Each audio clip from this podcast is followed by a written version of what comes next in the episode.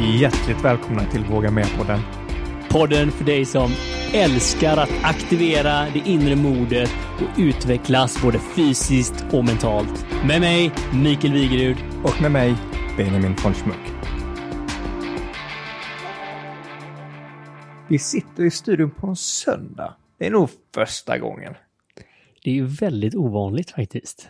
Ja, men det är ganska mysigt då. På, på något sätt så har man ju haft helgen på sig att uh, samla batterierna från arbetsveckan och jag kan säga att det uh, är supermysigt att komma hit och få en god kopp te sådär på kvällsklämmen. Ja, och det är ju inte varje dag jag kommer med så här fina slingor i håret eh, som jag har idag heller. Nej, och jag tänker där frisören, a.k.a. din eh, målarpensel, kanske uh, missade några spots va? Ja, men du vet ju det att jag gillar ju att ha många yrken igång samtidigt. Så i helgen har jag och farsan varit målare också. Och jag försökte måla ett hus, men jag märker att jag mer har målat eh, mitt hår faktiskt, eh, med tanke på vad du påpekade när jag kom. Men det här känns som den här typiska, eh, jag höll på att säga sambobubblan, när man ska liksom måla om väggarna och dessutom att man står och målar varandra. Sen så vill jag inte liksom så här, ifrågasätta din relation till din far, Mikael, men ja.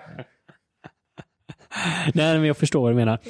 Och det kanske hänger ihop lite med det vi ska hoppa in i idag. eh. Nej, det gör ju inte det alls. Relationer, på tal om du och din far, det är någonting som kommer upp på tapeten idag. Inifrån ut. Ja, men vi vänder in och ut idag på eh, både samhälle, normer och på, på personen. Eh, Men jag tror att den här väcker tankeställningar och känslor hos alla som kommer lyssna. Det är jag helt övertygad om. Nu kör vi.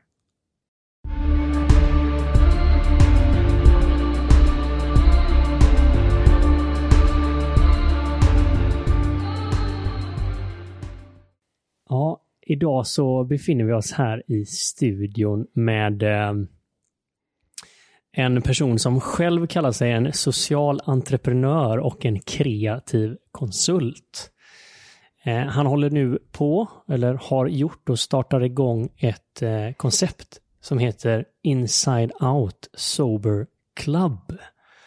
Så vi hör ju snabbt här att det händer mycket spännande saker runt den här mannen. Så det är med ett stort välkommen som vi välkomnar Magnus Helldal till Våga Mera. Tack så mycket Mikael.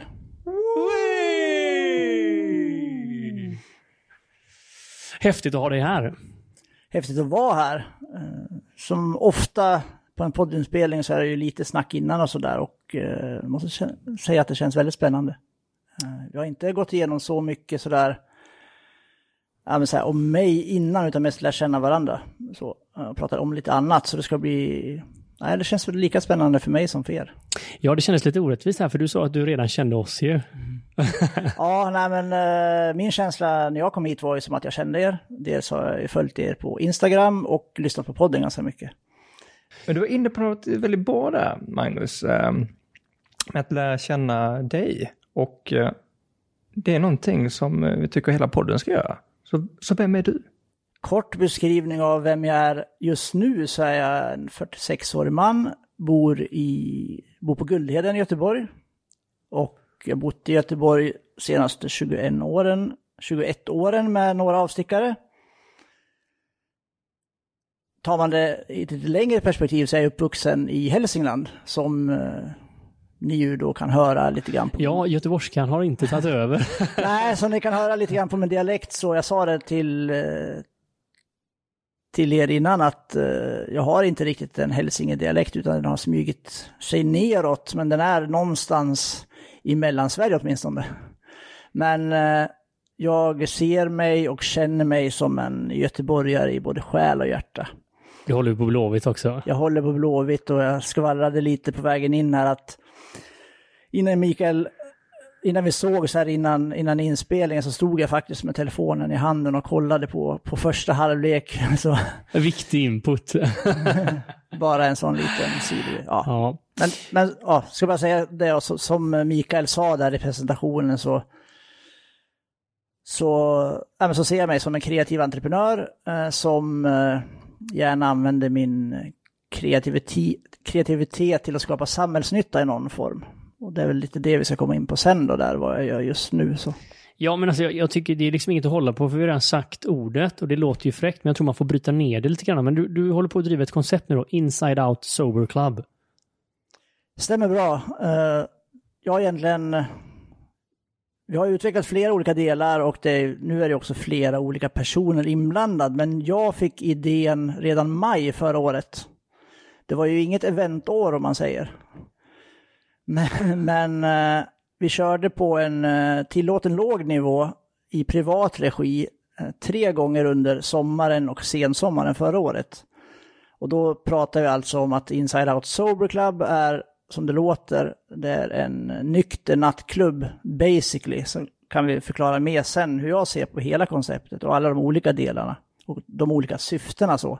Men en nykter nattklubb, alltså en nattklubb utan alkohol? Exakt så, det är liksom den råa beskrivningen så. Och det är det som är vår man säger, kärnverksamhet och det som vi, eller jag eller vi blev kända för från början. Eh, men ja, det... det låter ju verkligen som motsats mot när man tänker nattklubb. Alltså det här är ju en helt annan bild av vad jag såg av Järntorget när jag skjutsade in en vän igår. Det är, det är lite roligt.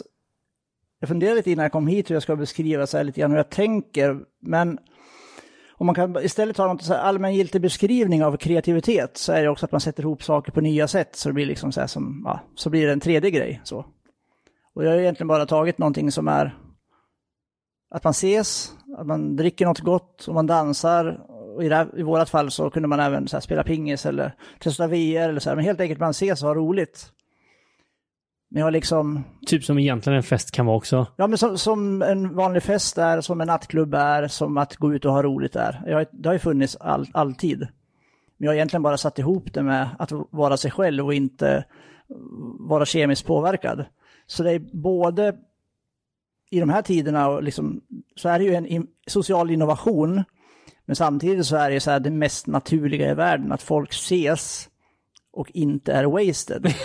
Jag, jag vill hänga lite grann på just det här med wasted och, och nykter, för jag tror de flesta tänker på nykterhet till att man inte dricker alkohol. Men det finns ju en större dimension till nykterhet med andra typer av substanser och sånt också. Pratar vi nykter från alla typer av sådana substanser som marijuana eller hasch eller vad nu pratar om. Det är det just fokuserat på alkohol sober för oss är ju sober från sinnesförändrande substanser. Det är ju inte så att man kan liksom gå dit och röka på eller dra i sig benzo eller dra några linor på toaletten. Det, då blir det liksom helt mo motsatt. Det är det som är tanken. Det blir helt motsatt syfte, men det är en relevant fråga. Absolut. Uh, och det, där har ju vi fått också tänka efter lite grann om man beskriver det som en alkoholfri klubb eller liksom och sådär så blir det fokus på. Men det, det här kan man vända och vrida på mycket som helst då. Är det alkoholfritt? Eller så, vad, vad, är det? Vad är nykterhet? Och, och alla sådana grejer. Och, vad och sådär. För nykterhet kan ju också vara så här att nu pratar vi så här, det är en klubb där man, så, fokus, så pratar vi om där man inte dricker eller drogar. Men vi gör ju massa saker. Vi gör ju samma saker som på en annan klubb. Kanske fler saker i större närvaro och större glädje och må bättre. Så egentligen vill jag också ta bort diskussionen från så här att man inte dricker eller drogar för att så här, det, jag vill skapa en större upplevelse och är helt säker också så här utifrån hur jag försöker leva mitt eget liv så här, att det också är en större upplevelse om man kan då säger vi, apropå vart vi är nu, våga mera. Våga dansa eller umgås eller någonting. Och dricka gott finns det alltså sortimentet på, man säger, vi kallar det för alkoholfria drycker. Alltså öl, vin, bubbel. Softdrinks. Alltså, alltså det, om man säger de alkoholfria, det är ju som motsvarigheten till det som annars har alkohol i sig. Men sen finns det som du säger, det finns softdrinks, det finns liksom muster, lemonader, kombucha. Så egentligen har jag bara satt ihop liksom ja, att må bra med att klubba liksom. Jo men alltså det här är jäkligt fräckt. Och du har varit inne på det hur disruptivt det egentligen är för samhället. Mm. Och om man känner när man snackar om det här hur, först det, hur svårt det är att separera de här två. Mm. Och hur förknippat restaurang och nattliv, alltså egentligen hela ekonomin runt hela den branschen bygger på alkoholförsäljning. Mm. Men sen också rent i sitt beteende. Som du säger, att vågar, vågar man dansa, vågar man flirta, vågar man ha kul, mm. utan substanser då i kroppen. Mm. Oavsett eh, alkohol eller droger eller vad man då föredrar. Men än så länge är ju ändå alkoholen som är socialt accepterad.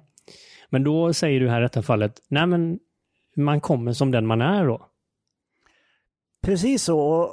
Alltså det finns så många lager. Jag tycker det här är en jätteintressant diskussion att ni är helt rätt person att bolla det med sådär. Men bara, uh, man kan ta det, målgrupp frågar många. Man kan ta en sån grej. Och jag sa, jag sa till er innan så här att jag kommer upprepa att jag tänker komplext ganska ofta. Men om man tar bara begreppet målgrupp. Där finns det ju inte en målgrupp utan det finns ju enkelt, ut, alltså enkelt räknat 6-10 målgrupper. Det kan vara sådana som mig som lever helnykter och jobbar med sig själv i ett 12-stegsprogram.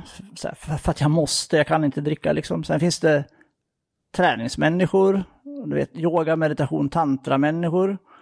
Vissa är ju alla de här målgrupperna, men det finns också liksom de som är early adopters som gillar ny, nytt sätt att liksom umgås och klubba. Wow, vad häftigt. Det finns de som bara, bara älskar att dansa. Det finns otroligt många olika målgrupper. Eh, och vi vill liksom inte, vi vill också ta bort det där tänket att det här är för en viss social klass eller det här är för en viss ja, typ av liksom människor. Utan det finns en kärna där man, eh, så här kan man vara trygg, här kan man ha roligt utan att förställa sig. Här kan man vara uppklädd eller nedklädd. Eh, här kan man dansa hela kvällen eller här kan man ligga i en saccosäck hela kvällen och vila. Det, för det är också någonting som är lite i det här eh, gamla normen kring klubbar. Då ska alla vara lika glada. Alla ska vara uppklädda och alla ska liksom vara i samma tillstånd på samma gång. Men det är ju jättekonstigt egentligen eftersom vi är så olika som människor liksom. Jag tyckte det här var väldigt beskrivande eh, tidigt i samtalet att det var väldigt inkluderande. Kom hit och var dig själv. Så att det, genom att vara öppen, om man säger så, till så många olika typer av målgrupper så blir det också på sätt och vis inte exkluderande mot någon typ av grupp. Förutom de som kanske kommer dit och Ja, nej, men jag hör dig. Jag hör dig. Men kommer man få, eh, vi ska spara lite sådana detaljer, men jag blev så nyfiken nu. Kommer man komma in eh, påverkad? Så, alltså, jag skulle säga att vi har fått vi har fått ganska mycket uppmärksamhet, så då har vi egentligen bara haft, eller bara, men vi har haft tre fullsatta klubbar hade vi då förra sommaren. Vi började liksom på 50 och sen körde vi, vi körde på ett jätte, jättestort ställe och vi körde privat, så det var liksom inom lagens ramar, men vi körde, och så 100-100. Och, och sista gången fick vi stänga gästlistan innan sådär, så det har varit det finns en stor efterfrågan och så stor uppmärksamhet kopplat till det. För som du sa, det är, det är väl disruptivt. Alltså, ja, i allra högsta grad alltså. Så att, och det är så här, som jag sa, det här är egentligen världens enklaste grej, att människor bara träffas utan att förställa sig. Det borde egentligen, det är ju mest naturliga i världen, men det är Jag tycker en... inte vi ska säga det heller egentligen, för vi lever ju lite i mm. motsatsen. Mm. Ja, och ja. jag tänkte lite på vägen hit, att vad har hänt med den svenska alkoholkulturen det senaste decenniet? Och då får man väl ändå säga att vi har blivit sydeuropeiska på det sättet att vi findricker, vi dricker exklusivt många, liksom. Och vi, eh, vi dricker i alla sociala konstellationer, även på veckodagar och när vi träffar kompisar och när vi är hemma och äter. Och, vilket är helt nytt. Och så har vi hållit kvar eh, tokkrökandet på helgerna. Så vi har liksom merchat. Kanske inte, ens, kanske inte bara helgerna heller. Nej, men om man tittar hur det har sett ut innan då, kanske kriga till fredag, supa som fan, börja jobba måndag med, med kemisk ångest. Men nu är det väl lite nice också då att dricka lite under veckan också och dricka lite fina viner och lite Amarone och 1800 whiskys och allt vad det är. Det är okej okay så länge det är dyrt.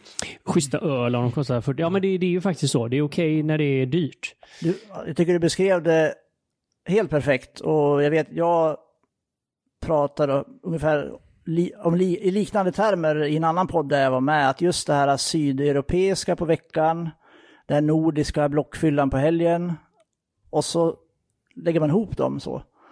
Och det, det här är också lite både och att jag som person, jag utvecklade ett, ett fysiskt beroende liksom så. Så jag kunde inte sluta när jag drack, så jag var tvungen att liksom att Ja, för det känns som att det ligger någonting bakom till att du ens har kommit på den ja, här idén. Ja. Jag, ska, jag ska komma in på det, jag skulle bara säga att det, det, det, du var inne på där var så otroligt bra beskrivet.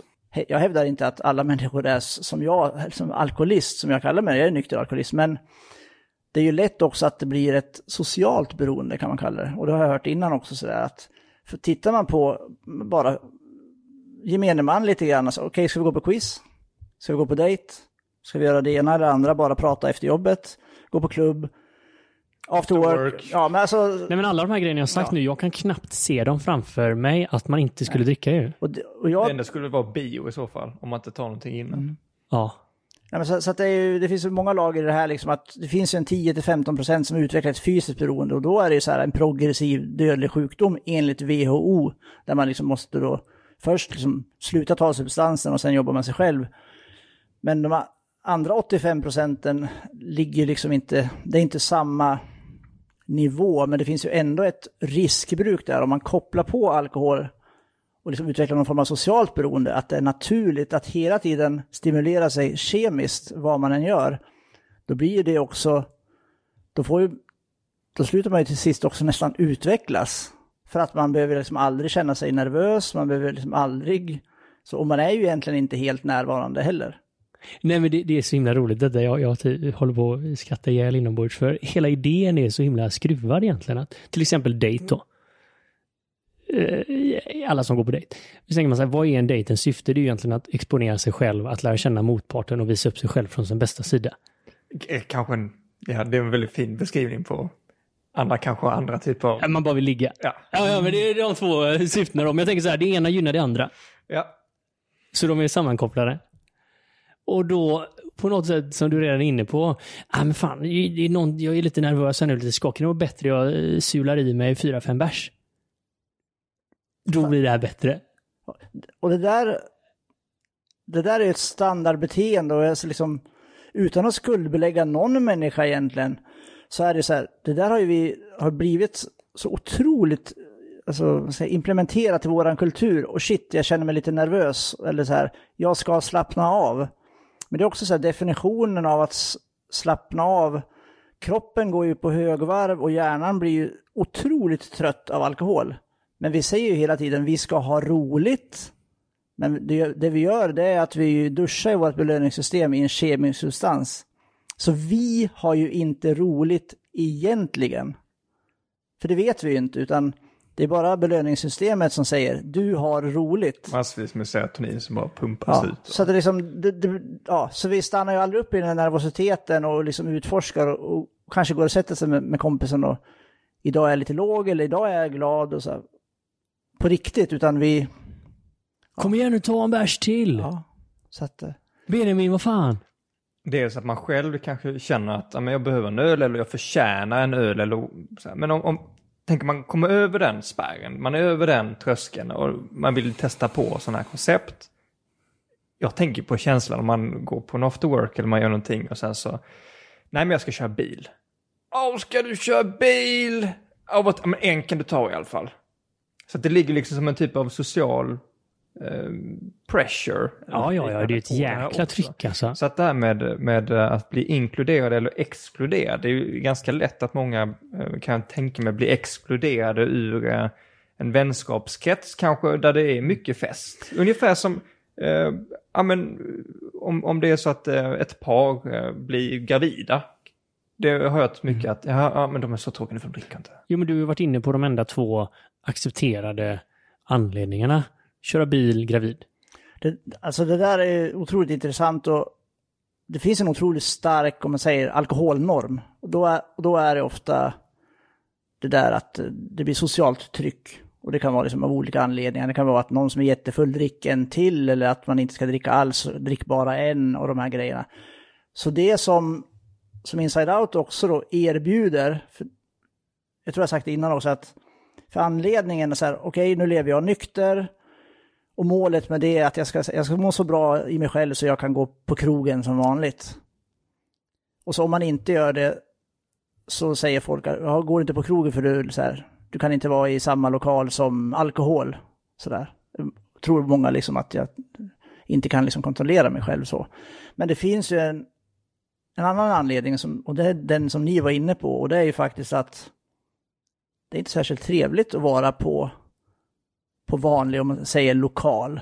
För att det är det här fokuset på, alltså det är ju inte så här, jag lägger inte det här på någon individ eller någon som driver någon krog, men det är samhällsnormer med utseende, hets. Shots, shots, shots, Ja, men så här- shots. Jo men den här reklamen, är, jag har inte slutat tänka på den. Systembolagets reklam var den, de äter kakor vuxna människor va? Ja, nej, men exakt. Så att det, och Ta den, ja, ta den, ta den. Benjamin, en kaka till. Så, så, så mycket som, som, som det går ut på är ju också så här, okej, vi skapar en ny miljö. Alltså som vi pratade om eh, lite tidigare i samtalet, att man kommer in och det är liksom inte så här, okej, vi har en annan bar där det bärsen är alkoholfri och man kan dra en god kombucha istället, utan här, vi har fet DJ, bra dansgolv, här, pingisbord och bar, men liksom det stämningen som nästan kanske är det mest disruptiva som är liksom okej, det finns ingen alkohol och vi tolererar inte droger. Det är liksom, men det är så här, det är grunden. Men vad kommer sen? Jo, det kommer att man kan vara sig själv. Så här, massa andra grejer och det är egentligen där värdet ligger liksom.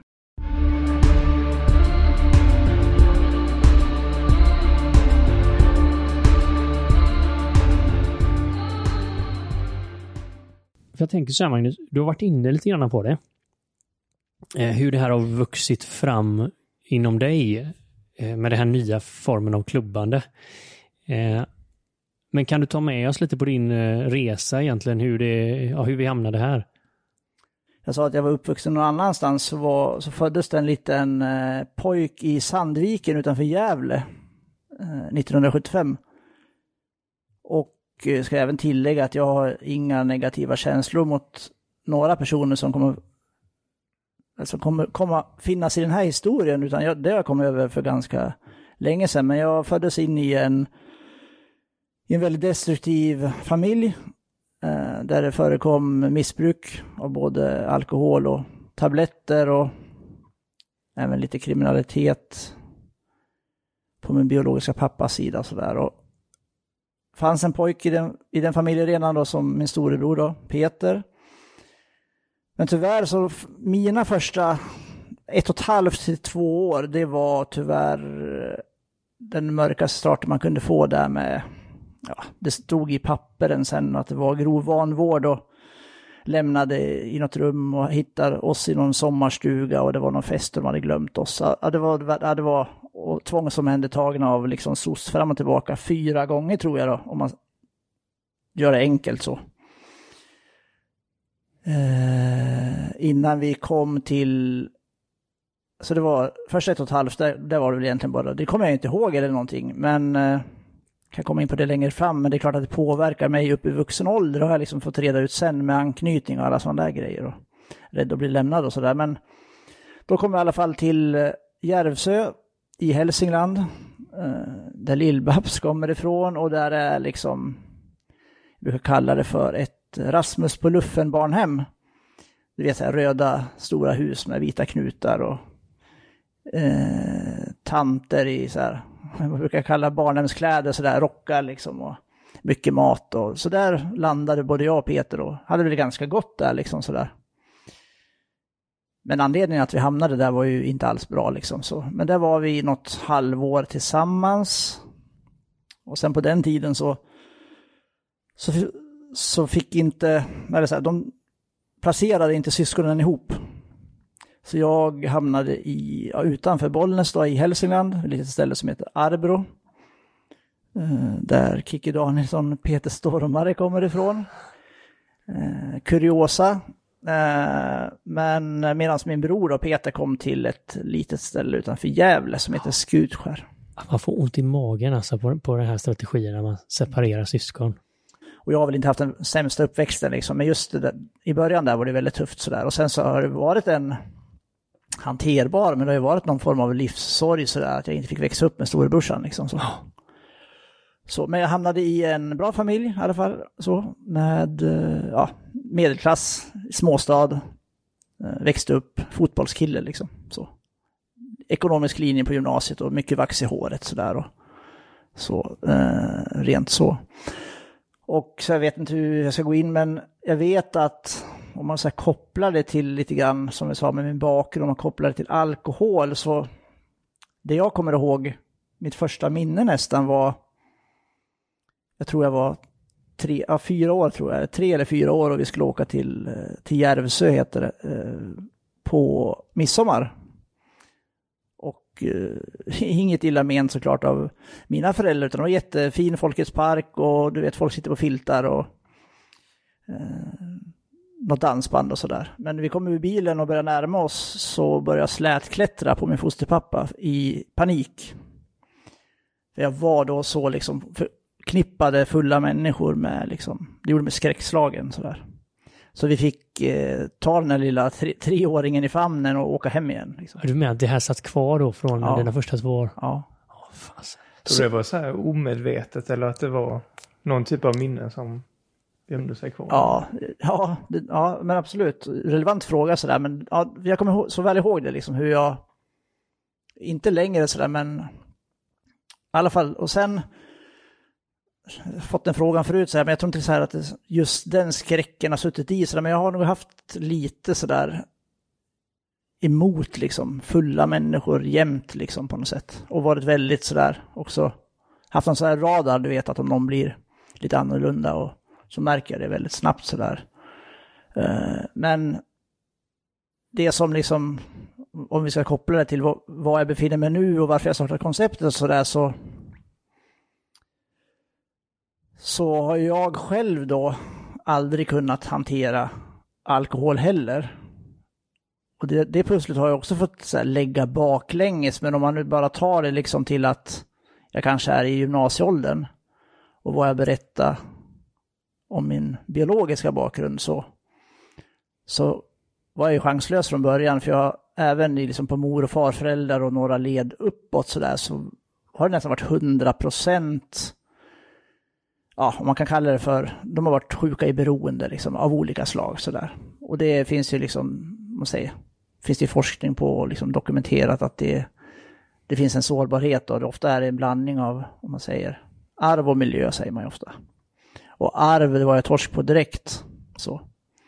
Och om man säger om miljö också då, så att ibland kan man ju dricka på trauman och sådär. Och så hade jag väl också då min, min uppväxt där, de lilla barnåren, så om man säger. Så jag först hade jag ju arvet då, så jag hade en otroligt dålig start. Så jag låg ju rejält på minus när jag skulle börja vara som alla andra liksom. Så.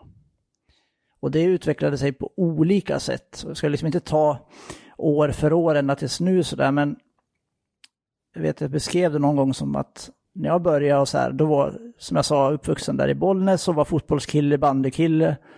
Så här, gick på gymnasiet och skulle man liksom dricka på ett visst sätt och sådär. Och det var liksom allt, ja men du vet dunken. Hur dricker man i Bollnäs? Eh, Ja men det är dunken och hemmagjort vin och sådär. Och gå, ja sådär. Det finns rätt mycket i en dunk va? Billigt, starkt. Ja men fem liter mycket. finns det ju. Man känner den här grabbstämningen. Alltså, Ja. Som är väldigt rolig också. Fotboll, lagidrotter, bandy, god stämning. Mm. Eh, dunken kommer fram. I början var det ju bara att jag så här, när jag drack, och det var, ja, men så här, vi säger sista april där uppe, det är Valborg. Och så lagfester och gymnasiefester och alla de här grejerna. Så var jag så här, ja för full liksom så. När det väl var en fest. Och, eh, men det, över tid sen så, det som hände var ju då att, ja, jag började, jag flyttade så småningom, vi kan ju förflytta oss framåt lite grann, att jag flyttade ner till Halmstad pluggade där i tre år. Och då blev det liksom det här studentlivet och ja, då eskalerade det ju liksom så här, för då var det väldigt, också väldigt normstyrt att det var mycket fest så. He- Hela den här sammanhållningen bland studenter Mm. är på något sätt alkohol. Hela nollningen, aktiviteterna, alla jippon och... Jag läste ju så här, jag läste kurser och inte program och jag bodde inte i korridor, men ändå så, så hamnade jag liksom ändå med, med vänner och Det går att hitta till festerna ändå. Ja, men verkligen. Och, och där, och säg, på den tiden, och nu snackar vi, det var 98 till 2001, eh, då började de här liksom, första gången jag hamnade i fyllecell. Det var liksom redan när jag var bara 23-24 år så kunde jag inte hantera det och det blev konsekvenser. Mer så här inom ramen för, ja, någon är ju alltid så här värst liksom, så här, men det var någonstans ändå inom ramen, men så här, men redan där var det som konsekvenser liksom att jag ofta så jag kanske inte kom in på Daltons eller Mårtensson eller så här som det heter där nere, Lilla helvetet. Så där, jättebra tid i, i Halmstad sådär, men redan där så, så fick det konsekvenser. Eh, och sen en annan fas, flyttade upp till Göteborg 2001. och började jobba som elevassistent på, på Angeredsgymnasiet, ett sånt riks, riksgymnasium för funktionshindrade. Trivdes jättebra med det. Eh, men där jobbade jag då med en kille som spelar liksom i ett sånt här glamrockband och var väldigt glad. Glad dricka så.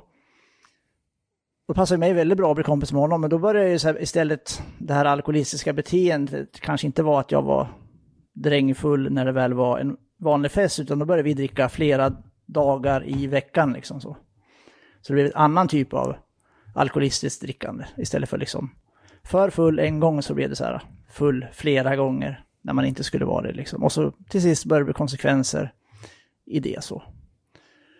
Och där någonstans så träffade jag också Anna som jag var sambo med. Och det påverkade relationen på olika sätt. Så jag har förstått i efterhand sådär, men både direkt och indirekt att jag så jag vill komma till det i slutet när jag börjar jobba med, med mig själv. Men det som, som är det som jag har jobbat med nu och förstått nu i efterhand att en beroendesjukdom, i mitt fall kan man kalla det för alkoholism, så är det ju egentligen inte, det kommer ju i slutet att man blir fysiskt beroende, men att man dricker kanske, alltså det är inte kopplat till alkoholen bara, utan det är också så här, en alkoholist är ju snarare ganska dålig på att vara nykter. Förstår ni vad jag menar? Att det är nykterheten som är den stora skillnaden mellan er och mig, alltså innan jag tillfrisknade, det var att jag tyckte det var så jobbigt att vara nykter. Jag ville hela tiden komma till tillfället där jag fick dricka. Man har, har det med substansen att göra eller har det med vem man är som person när man är på? Jag tror så här att substansen blir ju, Eh, vad ska säga, vad kallas det? Men, ja, men det, blir, det blir medicinen i slutet, alltså så, på fredagen. Men innan så kanske jag är rädd, osäker, lättirriterad, stressad, svårt att varva ner, eh, svårt att lita på människor. Alltså det finns en massa saker i en beroendesjukdom som, typ, som är liksom anledningen till att man tar benzo, till att man tar droger, det vill säga insidan helt enkelt. Ja, men det är det här du menar när du säger dålig på att vara nykter. Ja att, att det finns någonting där som gör att det är lite obekvämt att sitta med sitt eget skinn. Exakt så, att man kan vara, det kallas people pleaser eller överanpassningsbar, det vill säga kanske sen jag, jag vet faktiskt inte, men säg att det kan vara sen jag var liten och var rädd att bli lämnad, dålig självkänsla, överkompensera, alltså massa sådana saker som inte har någonting med alkohol att göra, utan det har med mig att göra.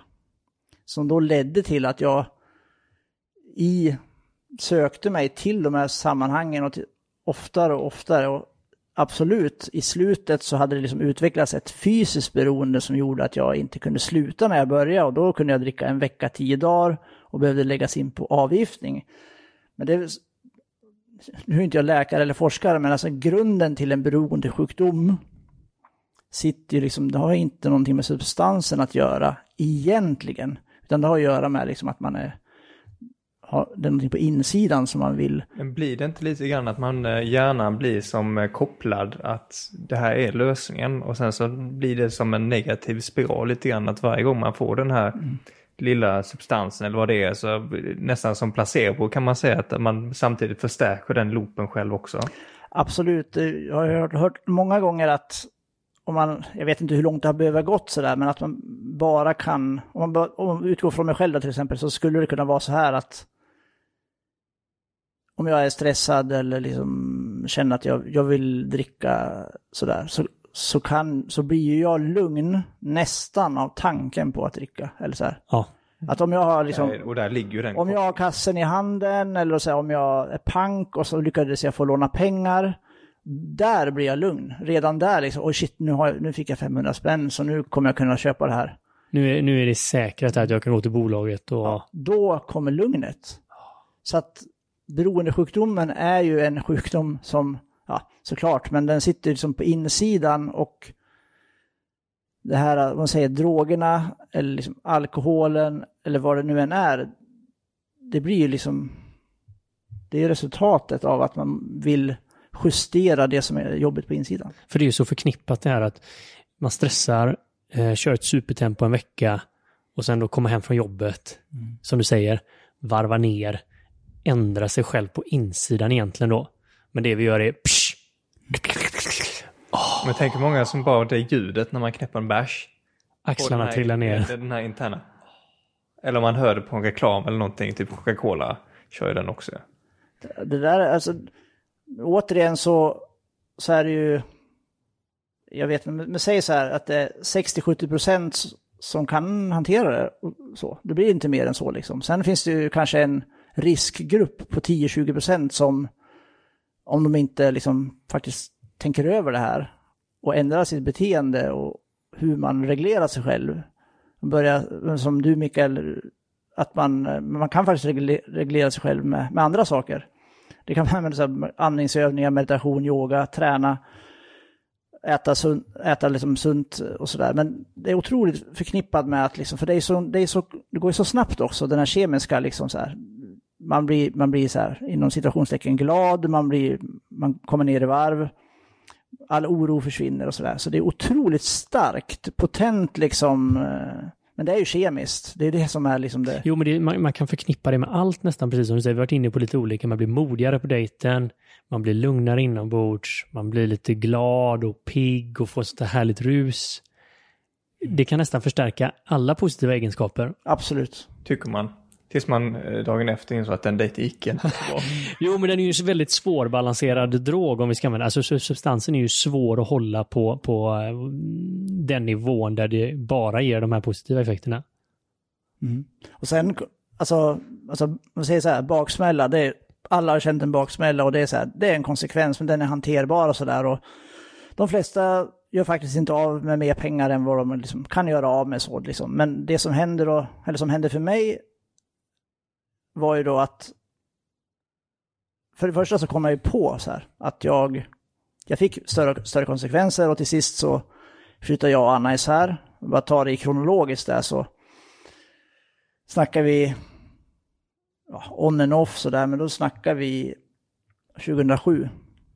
Och det har fått tillräckligt mycket konsekvenser för att inse att alkoholen är ju en bov i mitt liv. Liksom, sådär. När du säger konsekvenser, då är det att det går åt skogen saker och ting Ja, mer eller mindre och sådär, absolut. i ja. livet. Vad kan det vara Nej, för men som några... till exempel att man inte kan hålla ihop en relation eller att, så här, att man tar dåliga beslut och sådär. Och, så. Men att det drabbar en på olika sätt sådär. Att det kanske också men hindrar, men hindrar ens egen liksom, personliga utveckling och sådär. Och jag märkte i alla fall det där i början på 2007 och så bestämde mig. Nu ska jag sluta dricka. Det går inte. Så här. Jag kommer att få bära det första mars 2007. Så ska jag inte gå in på det jättemycket, men det var sju år mellan 2007 till 2014 där jag var en person som inte drack. Så här, för jag visste att jag kunde inte hantera det liksom. Eh, men jag drack ja, någon gång per år sådär. Men det funkar ju inte. Så. För jag, kunde, jag har aldrig kunnat hantera alkohol, så även om jag så här var nykter 364 dagar så kunde jag inte hantera det den 365, för man blir liksom inte botad bara för att man har vita månader, år eller veckor eller något. Utan det kallas ju att beroendesjukdomen är progressiv. Så att jag blir ju så här, jag kan hantera det ännu sämre nästa gång. Du är närmare återfallet. Nej, nästa gång jag dricker så kan jag hantera det ännu sämre än vad jag gjorde sist. Oavsett om det har gått ett år eller tio år liksom. Det är inte förknippat med något annat. Nej, alltså antalet så här nyktra... Så, nu har jag jobbat med mig själv i 12-stegsprogram, men det är något helt annat. Men om man bara... Ja, men om man bara går, precis. Man är bara, bara nykter så att säga. Ja, så, hjälp, så hjälpte inte det mig, utan varje gång jag drack så, så blev det bara värre och värre. Men Ja. alltså, jag, jag bet i liksom och sådär. Det kallar, kallas att man går på vita knogar, det vill säga som jag då, hade redan utvecklat beroendesjukdomen, men jag försökte lösa det själv. Ja. Bara genom att skruva på korken. Bara med ren jäkla Vad betyder det här vita och- knogar? Eh, Ja, det betyder ju ungefär som här att man, man jag ska berätta liksom vad, jag, vad som har hjälpt mig, men det är flera olika saker. Eh, det vill säga, först skruva på korken. Det är liksom, då är man ju spritfri bara egentligen. Men att bli nykter, det vill säga känslomässigt nykter, så måste man ju dels skruva på korken. Och sen måste man sätta sig ner med sig själv, be om hjälp och börja jobba med sig själv. Och det har jag gjort nu, men under de här sju åren så skruvade jag bara på korken, gjorde ingenting åt insidan. Men det, och det, och det liksom resulterade i, visst jag gjorde någon, någon form av så karriär där jag hade ganska roliga och bra jobb och sådär. Men jag fick en otrolig, liksom, jag blev arbetsnarkoman, jag in och ut i relationer, jag kunde inte sova, jag var stressad, jag gick in i väggen. Så det var total obalans på insidan. Så de här vita åren och dagarna, det som, var kanske inte så vitt i alla fall. nej, och det var ju inte lösningen liksom, utan det var så här, okej, jag kunde bromsa fallet liksom på något vis, men det utvecklades en massa andra beteenden. Så som vi pratade om tidigare, det är ju en beteendeförändring som måste till. Så att, Men man säger ju det i många fall att eh, beroendena är alltid konstanta. Kan du känna det under de här sju åren att du flyttade egentligen Ja. det beroendet till andra? Absolut. Jag hade ju ett inre som, det var inte kaos, men vi kan säga obalans. Och för att balansera upp det så, så behövde jag liksom tillsätta massa saker. Inte inside out, utan utifrån och in liksom. Det kunde vara liksom, men, relationer, jobb, bekräftelse genom jobbet och sådana saker liksom. Så. Jag kan känna igen mig jättemycket i det här också. Det, det är ju individuellt hur det tar sig, men, men hur, hur jag också har använt eh, sådana här metoder i mitt liv. Eh, hårt fästande, eh, korta relationer och för mycket jobb och för mycket hård träning. Alltså det kan te sig i många olika fall. Absolut. Och allting går ju fortfarande under ramen och att det är, det är någonting där, någon typ av stimulans man får av de här aktiviteterna eller förknippningar till olika ämnen och liknande. Men verkligen, så att så tydligt för mig nu efteråt, liksom, nu har jag kom, kommit ut på andra sidan, så där, ska vi ta hela vägen fram, men att, att jag gjorde liksom inte åt, någonting åt insidan, utan jag var liksom spritfri. Men, men kopplat till det då, som jag sa, så drack jag en gång per år och det blev ju så här värre och värre den gången. Eh, Så. Kunde Körde du midsommar då? Kunde du gå, gå då liksom att efter den dagen, det året, längta till nästa år den dagen? Eller var det med? För man kan ju också jobba, det kan ju lätt bli att man eh, skyller på sig själv, att man liksom får en, en inre demon lite grann. Hur kan man säga det annorlunda? Att man... Eh, Men så här, jag tror, jag tror jag vet vad du menar och utifrån hur Ja. jag... Att man får någon typ av ångest. Alltså att man liksom så här, fan gjorde jag det där nu? Och sen så liksom bara Mm. Ja. gnager det hela tiden och så... Ja, jag tror, ja, jag tror alltså, i mitt fall så tror jag att det var mycket sånt, så jag, tror- jag nämnde det tidigare, men, eh, överkompensera. Sådär, att man så här. Överstyr, för mycket åt ena hållet. Ja, och- alltså, så visst, det är klart att jag hade en otrolig liksom, ågren och ångest och, och stresspåslag efter en sån där, om det var en vecka eller vad det nu var, liksom, så här, men oavsett. Så var det liksom direkt upp på hästen och så överkompensera, prestera i jobbet, eh, söka bekräftelse från tjejer, alltså alla sådana saker. Och det blev ju då medicinen liksom så, att jag dög ändå liksom, att jag var grym liksom så. Och så var jag nykter i ett år så. Men det som hände då liksom att till sist då hade jag druckit en gång per år de här sju åren och de gångerna hade det blivit värre och värre. Och jobbet hade liksom parallellt på någon vänster blivit mitt allt, så det gick ju bra så, men den privata Magnus fick ju mindre och mindre liksom, den som är personen som jag är nu, den personen hade ju väldigt liten plats i mitt liv om man säger. Det var ju väldigt mycket Magnus som jobbar där eller Magnus som gör det, så jättestort nätverk och jag, den, så, den rollen var jag ju fullt inne i. Men, liksom. men du var arbetsrollen så att säga? Det Jag var min, jag var min arbetsroll och ja, men om det hade varit någon Om någon kampanj. förklarar dig som person så var det Magnus Ja, han som jobbade ja, där. han som Magnus jobbade- gjorde det där, där borta. Ja, exakt så. så Inte privat, Magnus som är så jävla helschysst och en Nej, god personlighet som tillbringar massvis med energi till folk. Och, privata Magnus hade inte så, så stor plats. Så det som hände var ju att till sist så hade ju min beroendehjärna, så, ja, men du, du kan väl dricka lite grann sådär egentligen. Så sommaren 2014 sådär, på en dejt. För att jag hade inte jobbat med mig själv så jag blev ju livrädd av att gå på en dejt så. Så då tänkte jag, men det kan jag dricka lite så. Och så blev det den sommaren liksom en gång, två gånger och så blev det mer och mer och mer och mer. Och då hade vi en liten kreativ byrå och då så blev det helt enkelt så enkelt förklarat att det halvåret från sommaren 2014 till jag säga, året ut kan man säga enkelt, så eskalerar det. För att då, eftersom då beroendesjukdomen är progressiv och jag liksom började använda den igen, men jag kan, kunde inte hantera den, då blev det bara mer och mer och mer och så konsekvenser kopplat till ja, jobb och ekonomi och relation och allting igen sådär då. Det blir stökigt överallt. Ja, det blev inte bra alls och eh, det som hände, ja, några av konsekvenserna som hände var att jag åkte upp, ja, jag åkte väldigt mycket tåg och upp till Stockholm och träffade olika ja, vänner och tjejer och allt vad det var liksom och hade liksom... Fanns Tinder på den här tiden?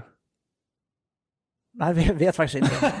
det här var inga, det här var inga, det var inga Tinder-personer. Men, du hittade dem på andra ja, sätt? Nej, men, här, min, min syster bodde där, så jag kommer ihåg att jag åkte upp, jag tror på som, sommaren där någonting, eller tidig höst. Och den första verkligen var så här att jag var, bodde hos henne och hon tyckte att jag var jätterolig och prata och sådär. Men hon tyckte liksom att det här är, det är inte bra liksom. Du, du ska inte dricka liksom sådär. Så och då sa hon faktiskt till mig sådär att eh, nu, jag vill att vi åker in till Sankt Göran liksom sådär, för du... Jag tror det var så här att jag satt liksom och skojade och... Eller skojade, det var inte alls roligt men jag pratade om broder Daniel och... Eh, att jag hade sett Västerbron idag och de är rockstjärnor och Anders Göthberg han hoppade därifrån och sådär. Och så satt jag liksom och romantiserade på något vänster liksom det sådär. Att må dåligt och, och sådär. Och då blev hon rädd sådär för att jag är inte en sån person som pratar så eller kanske inte ens tycker så. För det första så är det ju en väldigt tragisk händelse som jag pratar om. Men... Var du ganska instängd eller liksom var, var du Magnus instängd men var liksom en annan typ av ja... yttre, om man kan se det på det sättet? Eller var du väldigt öppen om hur du kände och vem du var på den här tiden? Jag tror att både och kanske. Alltså den Magnus som jag är nu, den fick inte så mycket plats. Men jag var nog ganska så här frispråkig om säga, både högt och lågt. Så där. Kunde... Men om, om dig eller om dina åsikter på politik och sånt där, hade du, kunde du öppna upp dina känslor?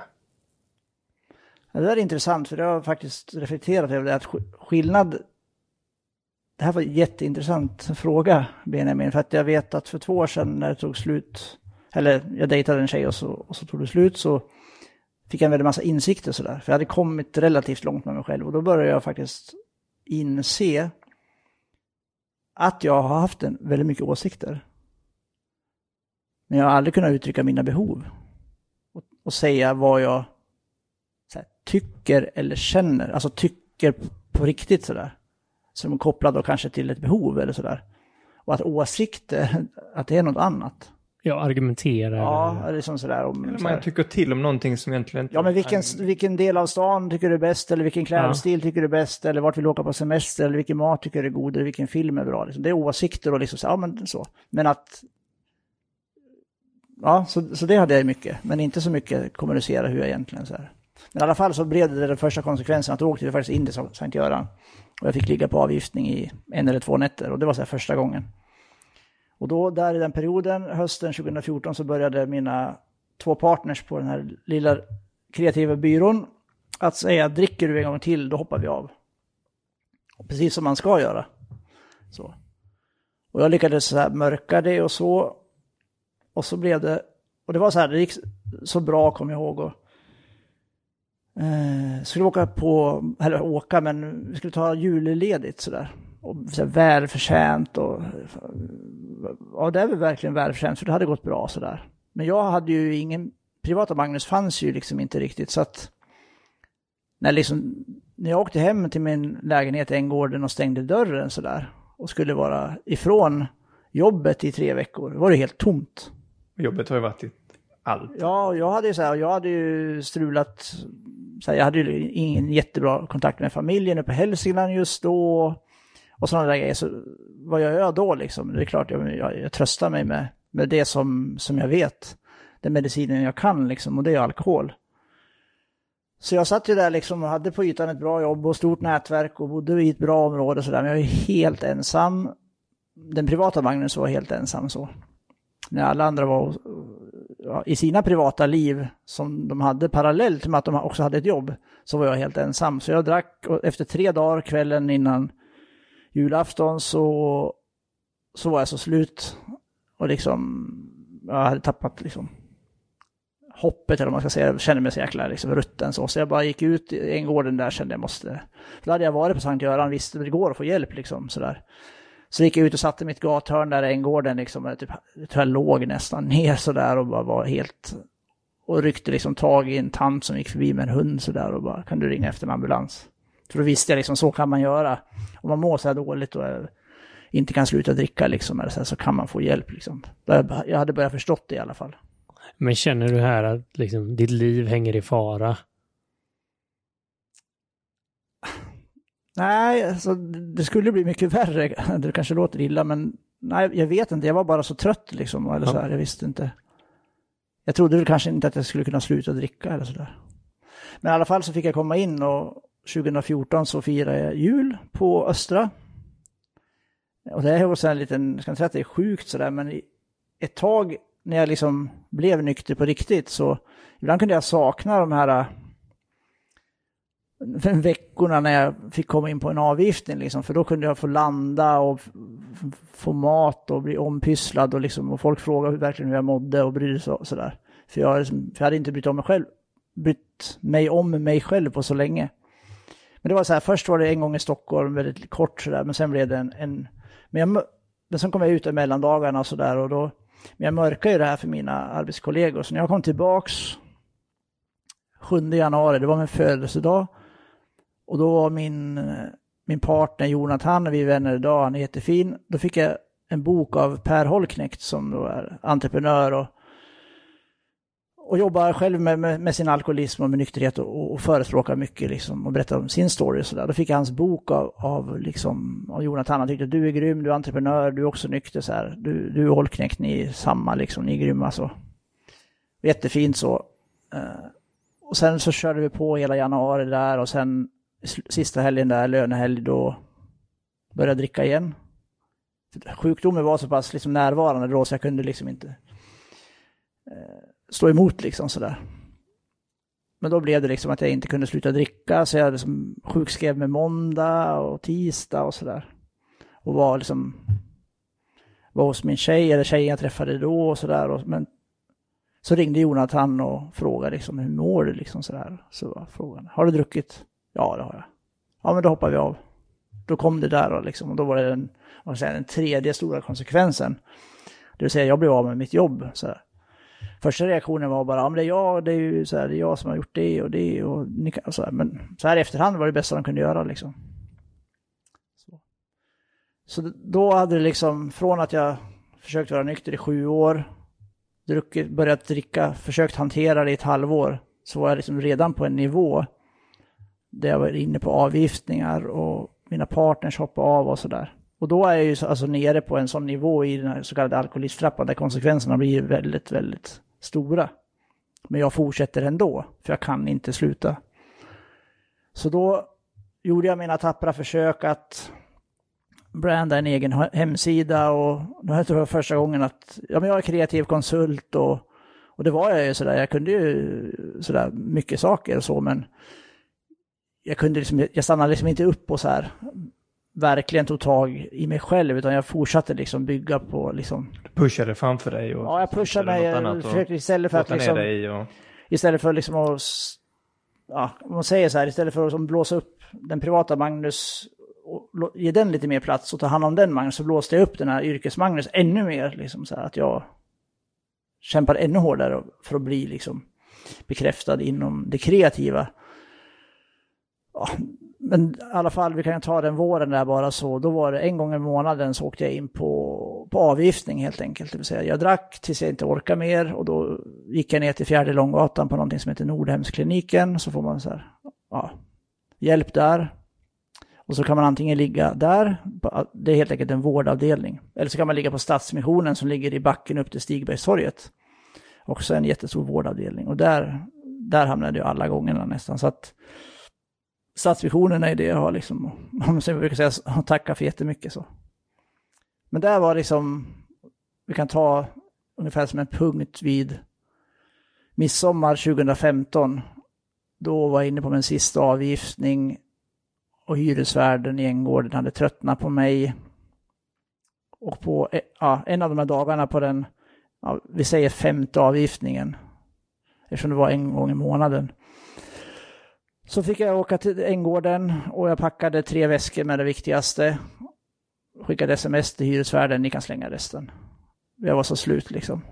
Och så stoppade jag nycklarna i brevlådan och tog en eh, taxi till Stadsmissionen med tre väskor. ja, och där stod jag från att liksom ha varit fokuserat på att ja, men jag är med i GP och jag är med i det här och jag är med i det här. Och så hade jag till sist tappat kontrollen så att jag stod med tre res resväskor på Stadsmissionen och hade ingenstans att bo och hade inget jobb. Så där var någonstans, man brukar prata om en personlig botten sådär. Jag har kanske mått både så här, sämre någon gång, exakt alltså i måendet, men rent praktiskt så var det väldigt symboliskt på en resa som hade gått hela vägen ner.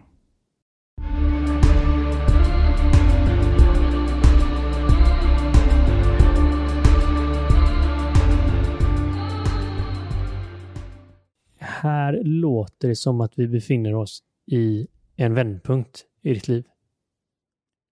Här var det en vändpunkt på många plan. Det var ju ja, men dels så den yttersta konsekvensen att jag liksom var maktlös inför, om man säger alkohol. Det fungerade inte som min lösning längre.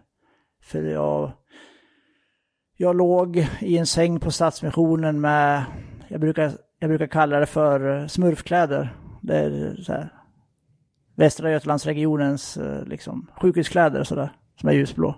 Så låg där i smurfkläder och hade tre väskor och inget jobb sådär. Så att jag var tvungen att ge mig liksom. Så.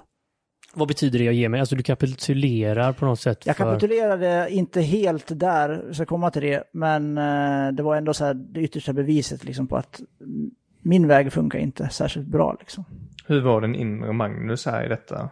Just nu, hade han börjat få lite mer plats eller det... Började han växa från detta? Ja, jag började ja, mycket kopplat till kapitulation.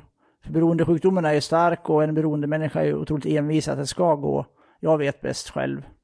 Men där var det så tydligt liksom att jag rent fysiskt befann mig i en miljö med helt andra sorters människor än de jag här, vanligtvis hängde med så. Jag var ja, någon helt annanstans stans på samhällsstegen och...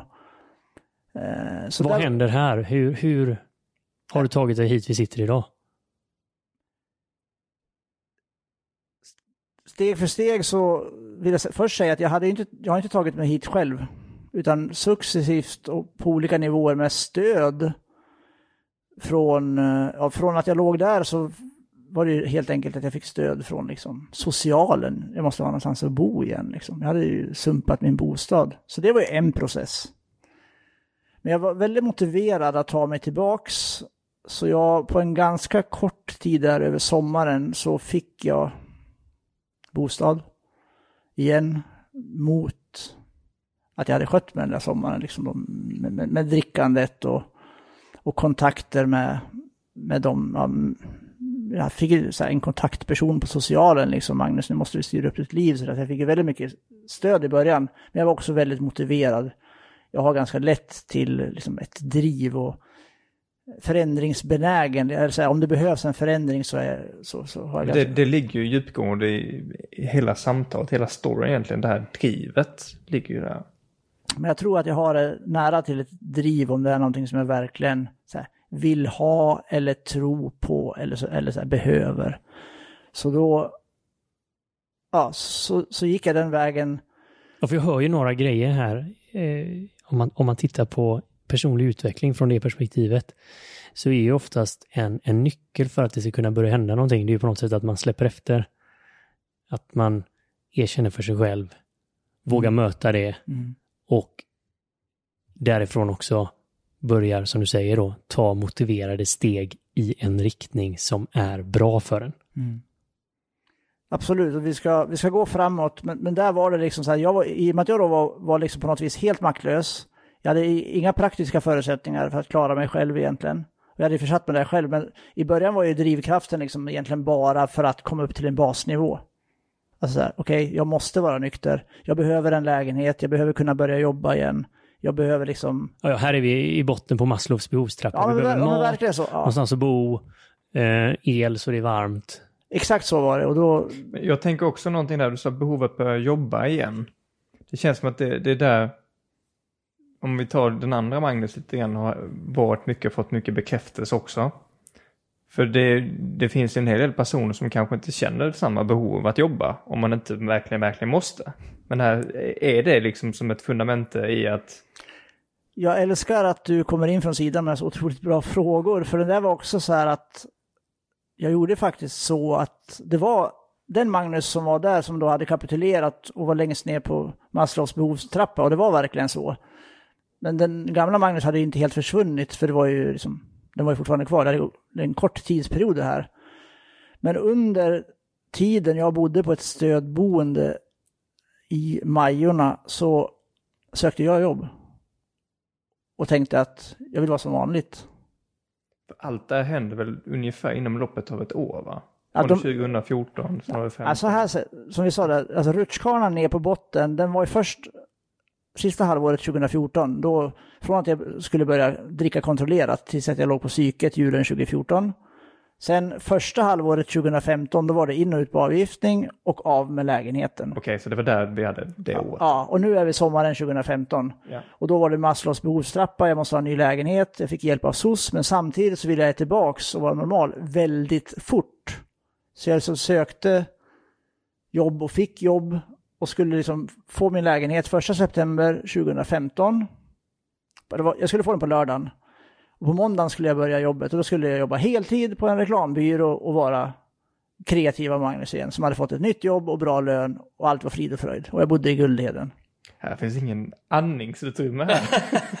Där, där fanns det ingen andningsutrymme och det som hände då var att jag hade återigen, jag hade tillfredsställt några behov där, att jag, jag fick min lägenhet och stöd från, om man säger SOS.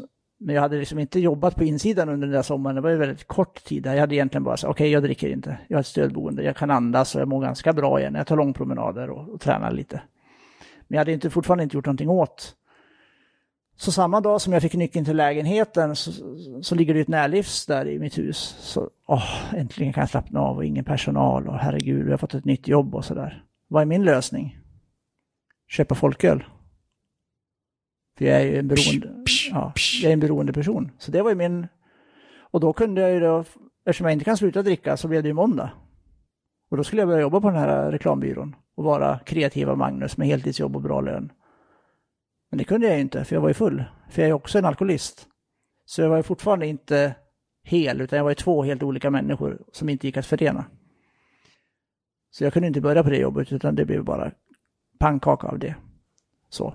Sen, vi, ska, vi ska gå vidare, men där så blev det från då hösten 2015 till sommaren 2016 framsteg i form av några återfall, men också började jobba lite på insidan. Börja gå på så här, jag kopplade till mitt beroende väldigt mycket, men på Nordhemskliniker där de är fantastiska, men olika program där. Återfallsprevention, lära mig om sjukdomen, jobba med mig själv sådär. Eh, så att jag gick ändå framåt om man säger, med min insida, om vi nu pratar om utveckling. Så jag gick framåt men tog några steg tillbaka och sådär. Men sommaren 2016 så tog jag två riktigt stora steg tillbaka, det vill säga jag drack i början på sommaren och slutet på sommaren och båda de gångerna var en dryg vecka och det var väldigt, var väldigt, väldigt jobbigt sådär. För då hade jag ändå fått en insikt och börjat jobba med mig själv. Och, men jag kunde ändå inte sluta sådär. Det var, och jag hade testat Antabus och Kurator och de här programmen, och men jag fick värre och värre som dryckesperioder. Och i slutet på sommaren där så blev den riktigt, riktigt illa. Och så blev jag nykter igen på egen hand och började känna mig nu sådär. Men så hade jag varit på ett möte då, i en tolvstegsgemenskap som vi kallar det. På våren där.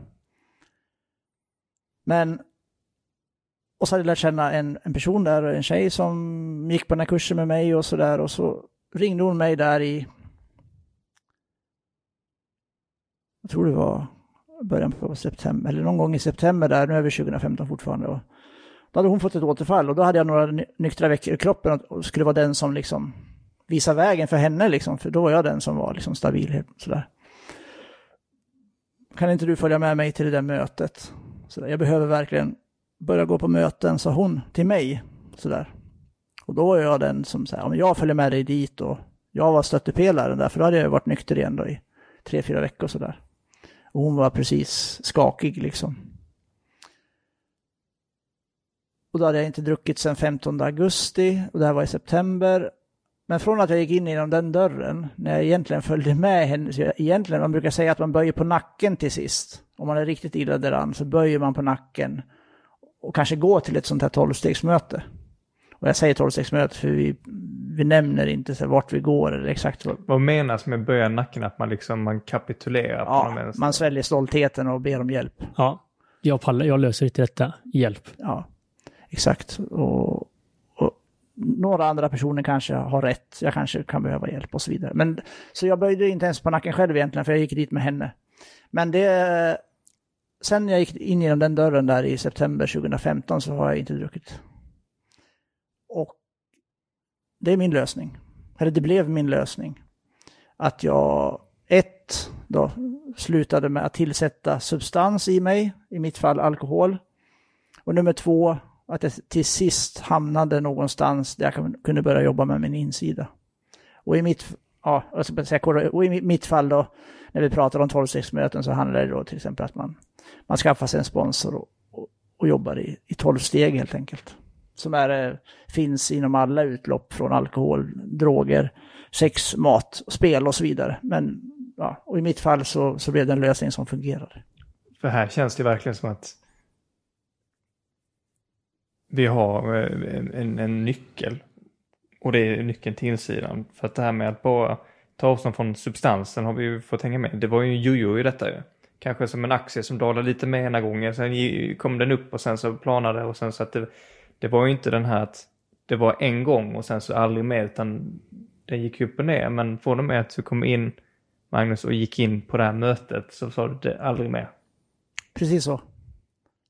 Och det alla, alltså, alla har olika lösningar så här och det är viktigt för mig och jag vet många andra som går i olika sorters tolvstegsgemenskap att vi försöker prata utifrån oss själva så där att det är min lösning. Eh, vi vill inte propagera utan vi, i så fall vill vi kanske inspirera. Men för mig hjälpte det och som du säger, nyckeln är ju liksom väldigt, väldigt tydlig liksom. Dels, visst, det är också en miljö där man där det är tillåtet och uppmuntras att vara sårbar. Alla andra är i samma situation.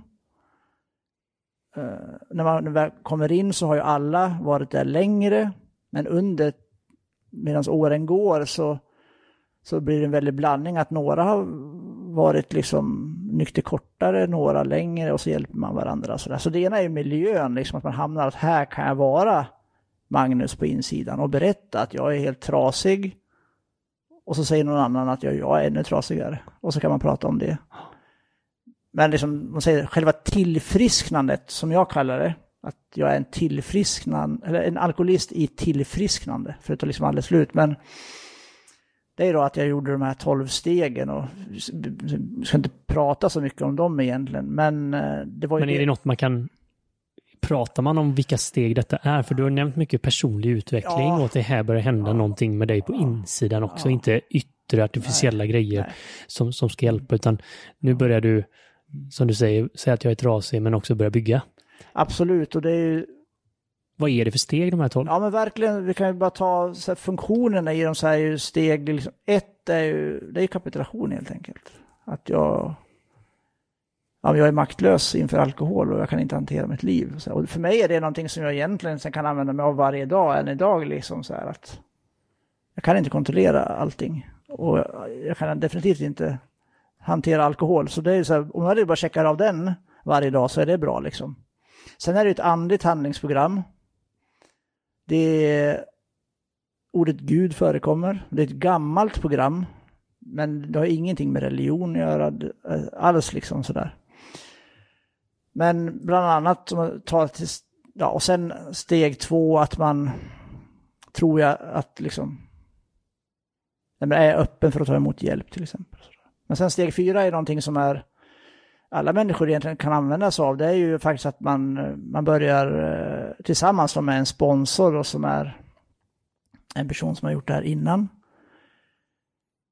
Att man helt enkelt sätter sig och inventerar sig själv. Och där någonstans börjar man ju närma sig så här, wow, en eh, personlig utveckling och så här, vad beror det på här? Och då finns det ju, inte mallar, men det finns ju så här, okej, då inventerar man.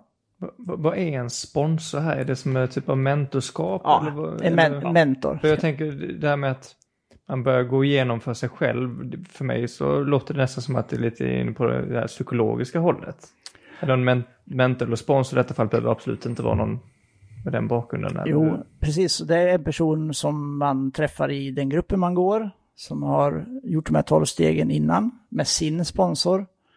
Och inte säger vad, vad den, alltså den personen säger inte jag tycker det, jag utan den säger bara så här funkar det här. Jag har gjort de här stegen förut. Jag tänker, jag för dem vidare till dig. Jag gör samma sak som min sponsor gjorde med mig. Gör som det står så, ja, det fungerade för mig. Så berättar han sin historia och så, ja, och så testar jag och gör likadant. Och så händer det saker. Men det är en eh, väldigt intelligent sak ju, om man vill göra någonting och hitta någon som gjort det innan. Oavsett vad i livet det är. Och det, alltså, och det är också en magi där att det är någon som har varit i samma situation som mig men nu är, befinner sig på en annan plats och eh, vill jag ha vad den personen har då är jag då beredd att göra samma sak. Så det är, så, men steg fyra, jag ska bara säga det, väldigt kopplat till personutveckling, att då inventera sig själv, då går man igenom i listor till exempel att rädslor, så här, ilska, relationer, kopplat till, liksom till så här. Och är man en beroende person som har haft ett rörigt liv, då kan man gå och vara arg och bitter på hur mycket som helst. Liksom. Hela världen är emot mig och allting är alla andras fel. Liksom. Det kan bli en lista på 50 grejer. Liksom.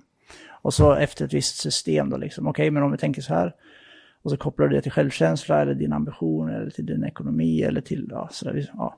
Men blir det på något sätt nästan istället för att fokusera på sig själv så blir det som en spegel tillbaka. Man pushar ut allting istället och, vi pratar om åsikter, att man lägger åsikter på annat eller att man på något sätt projicerar sin inre kanske rädsla eller osäkerhet mot någonting annat i form av kanske då någon typ av, jag vill inte säga hat, men alltså någon Ja, men jag- ilska kanske. för att kop- koppla det till nutid, så jag tror att många som, säger ett kommentarsfält på Facebook eller liksom Mm. vad som helst, man sitter och så här går in och så ska argumentera eller hata eller vad som helst. Det, det kommer inte från en bra plats liksom.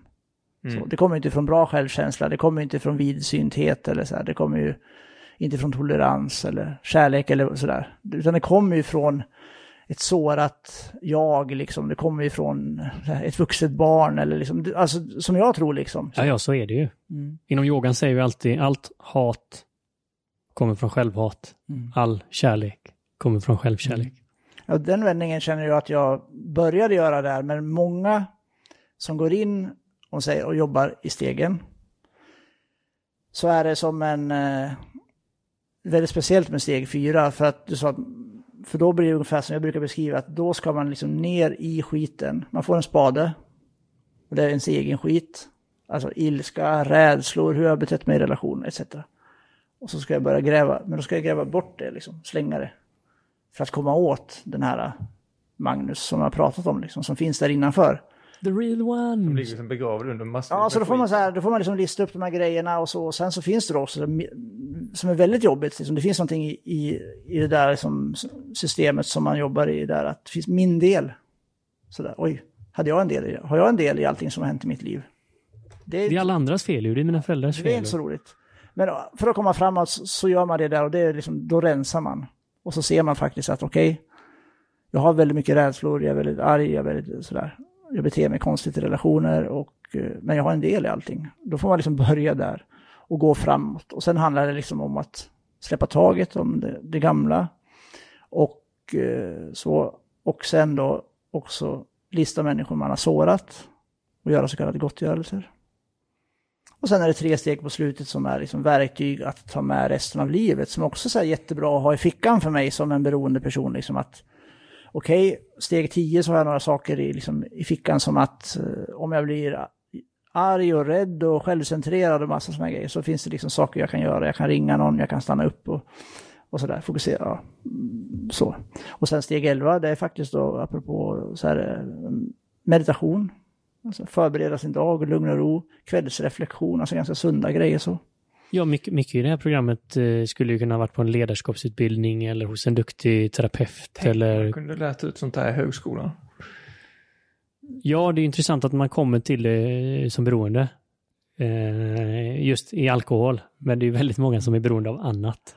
Det är ju, alltså, det får, får man höra ofta, liksom, tänk om alla kunde göra ett tolvstegsprogram bara för att man är människa liksom.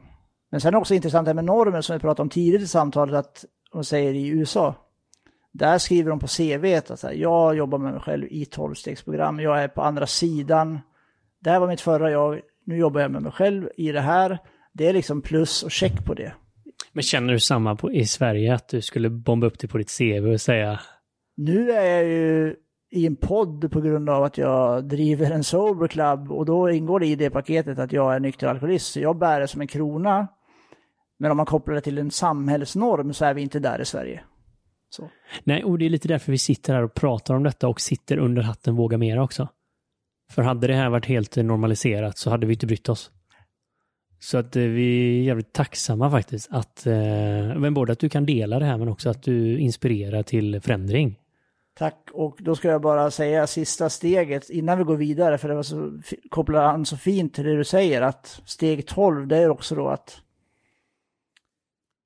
det kallas lite så här formellt att man ska föra budskapet vidare. Men det kan man ju då, antingen kan man göra det genom att, okej okay, jag börjar sponsra en annan person, så då gör man det liksom formellt inom programmet. Men på ett sätt så, så för jag budskapet vidare genom att berätta min historia. Kanske sitter någon annan där ute och tänker liksom att okej, okay, finns det där? Eller jag visste att det fanns, men kan en sån person gå där? Det är också att föra budskapet vidare. Så det är också ett av de här stegen jag alltid har i fickan, 10, 11, 12. 12, det är att berätta min historia. För budskapet vidare om att det finns en lösning. Oavsett om man har legat på Stadsmissionen i smurfpyjamas och inte haft någon lägenhet och inget jobb. Så kan man, så finns det lösning och det finns andra människor som har gjort det innan. Som sex år senare kan sitta i en podd och berätta att han har öppnat en, en klubb. Eh, så med ett leende på läpparna och, och en keps på huvudet. Ja, och en eh, välutvecklad människa. Ja, men, det tycker jag tack. verkligen vi ska fira, för det är inte varje dag man får träffa någon som har jobbat på riktigt med sig själv. Eller som ställt de frågorna till sig själv som... Ja, men mött sitt mörker. Det spelar ingen roll om man är alkis eller inte. Alla har någonting vi måste möta. Mm. Eller så springer man ifrån det hela livet. Och vi säger ibland till varandra att vi har fått en guldbiljett för att på något sätt så jag var ju så här, jag var tvungen verkligen. Alltså jag kunde inte sjunka längre egentligen. Det var bara döden kvar. Men det var psyket och avgiftning och liksom och sjukhus. Så jag hade inte mycket att välja på. Så jag har ju tvingats gå in i mig själv. Men så här i efterhand så är det en guldbiljett. För många behöver inte, det går alltid att ta några genvägar. Ah, så man, man, du säger i detta fallet att, att det här som till synes ser väldigt eländigt ut om man inte skulle önska sin fiende, mm. det är guldbiljetten. Ja. För att du tvingades att gå in. I efterhand, exakt som du säger, jag skulle inte önska min värsta fiende, det jag har varit med om. Men så här i efterhand så var det ju det som krävdes för att jag skulle ett, stanna upp och två, okej, okay, jag måste det, det sitter på insidan. Och därifrån kunde jag då bygga ett nytt liv. Sen behöver alla olika mycket konsekvenser och det går att liksom ändra beteende långt. Jo, jo, men det här är ju din story och det kan vara något annat för, men jag tror att många, och vi har pratat om det tidigare i podden också. Eh, jag sa vid något tillfälle att de flesta människorna jag möter idag som är intressanta, de har varit utbrända. Det är lite på samma tema, där deras guldbiljett till ett nytt liv. Verkligen, jag hör dig och det kan man se ganska, det är ganska vanligt att en vändpunkt kommer av en extraordinär händelse.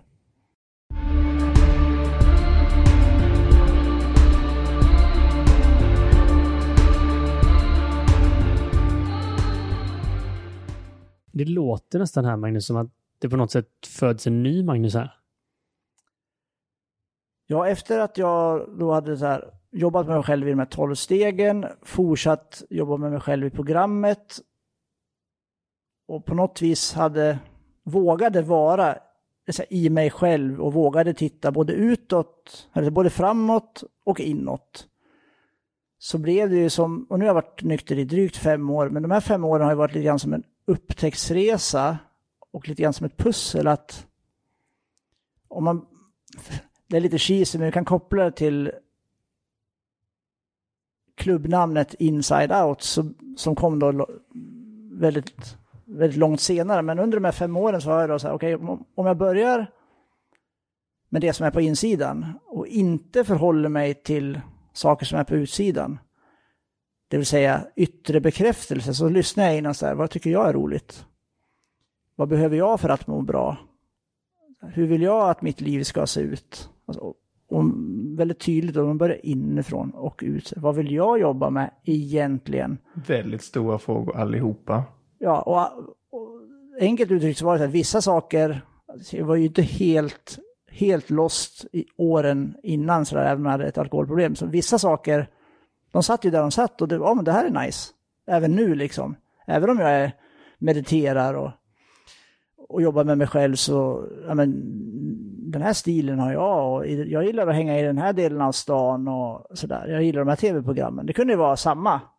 Medan vissa saker kanske, men jag kanske inte, som vi pratade om tidigare, samtal, jag kanske inte är den här, äh, så här och, och, enkelt uttryckt, jag kanske inte är den här fotbollskillen.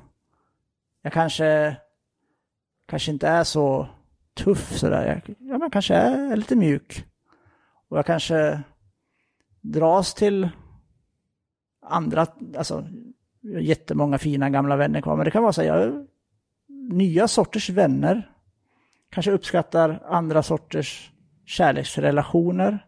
Alltså det kan vara egentligen allting sådär, men det är väldigt... Saker som förändrar sig nu i... i... Ja, och jag blir så här, okej, och så att våga verkligen fortsätta lyssna så här, okej.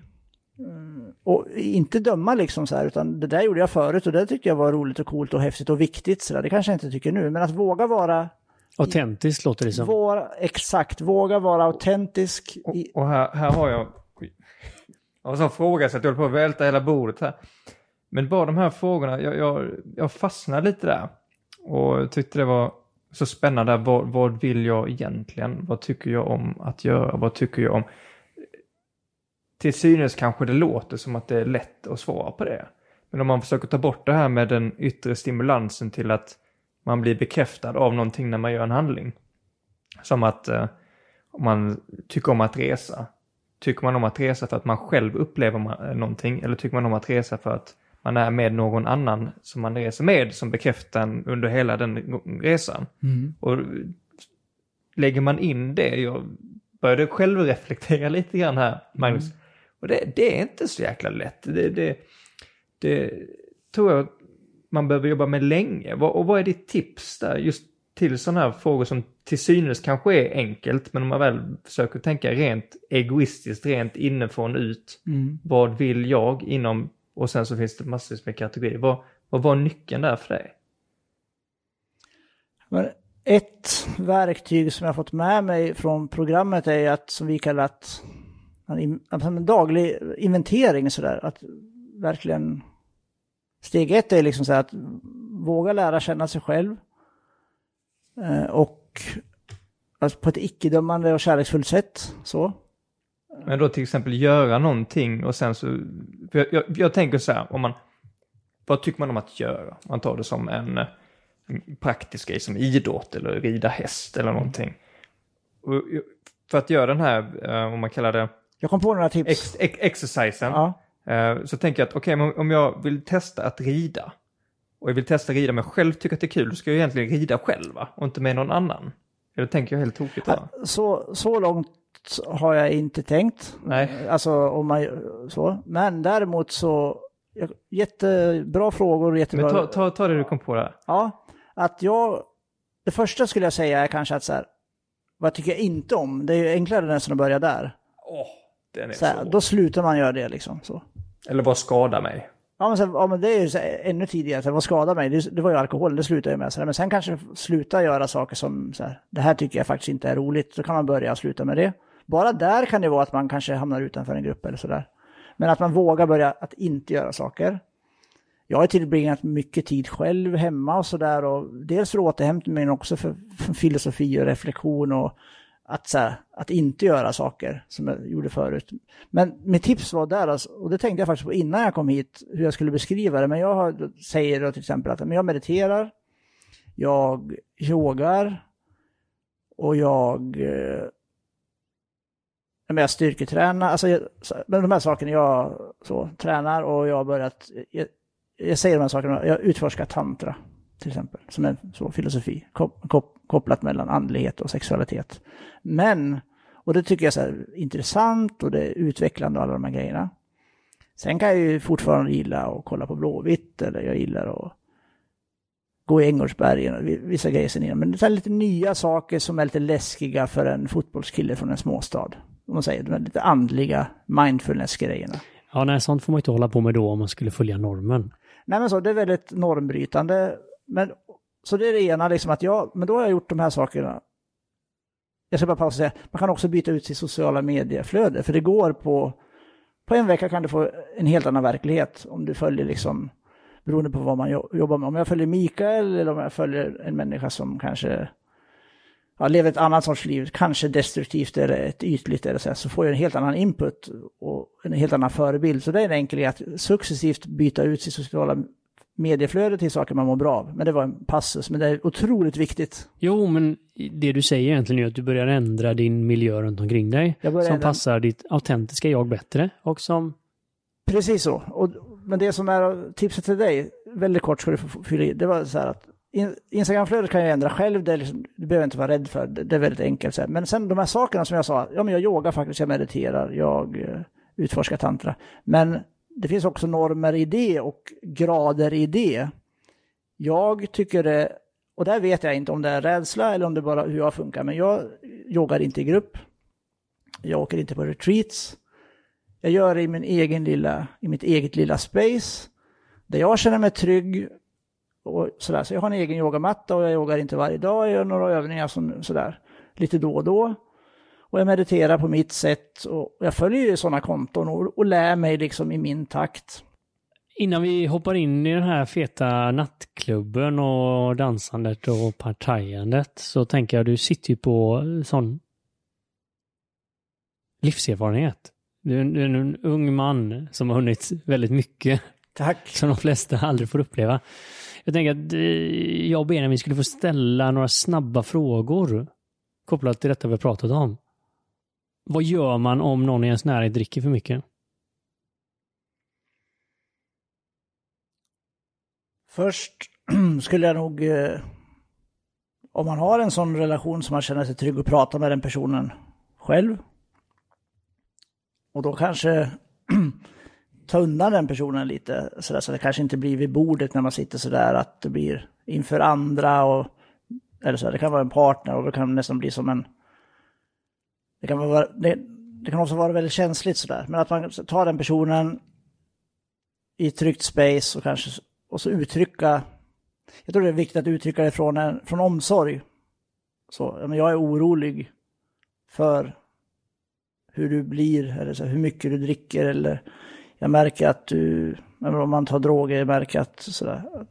Att, och så berättar jag att man är orolig och inte så här att det är någonting dåligt liksom och så här att man skuldbelägger och sådär, för då kan det bara bli försvar egentligen, men att man kanske man kommer från en, från en känsla av omsorg där att man inte skapar ångest då för ångest. Ja, att inte, att inte skuldbelägga sådär och så.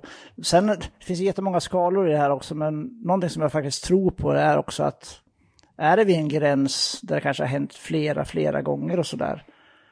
Att om man är i en relation, eller det kan vara en vänskap eller kärlek eller så, men att också att lyssna, om du är den som ska då liksom säga det här till någon du känner att lyssna på dig själv så här att okej, okay, hur långt kan jag gå med i det här?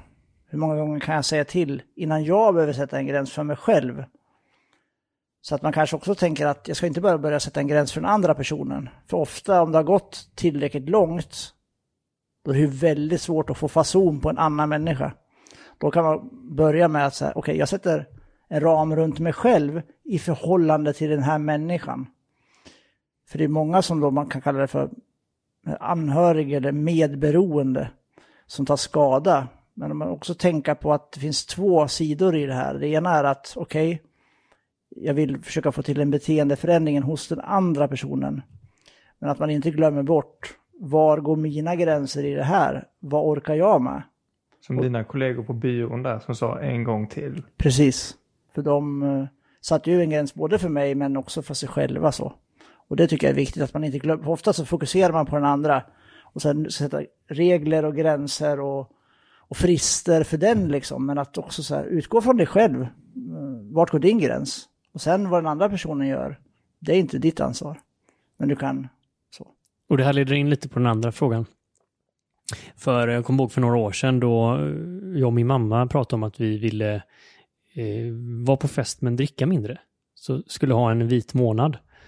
Och eh, eh, upptäckte hur svårt detta var. Och hur fick, eh, vi skrattade så mycket åt det när min mamma hon berättade att hon har eh, hållit över liksom att det var alkoholfri öl. För att ingen av liksom kompisarna skulle upptäcka det. Vad gör man om man själv vill dricka mindre? Är det i relation till att man skäms över att man inte dricker? Eh, det var det i detta fallet. Jag vill säga att det sociala trycket var för mig svårt och i detta exempel med min mamma så garvade vi ganska mycket åt det för att det låter ju patetiskt i efterhand men det var väldigt autentiskt just i det här ögonblicket.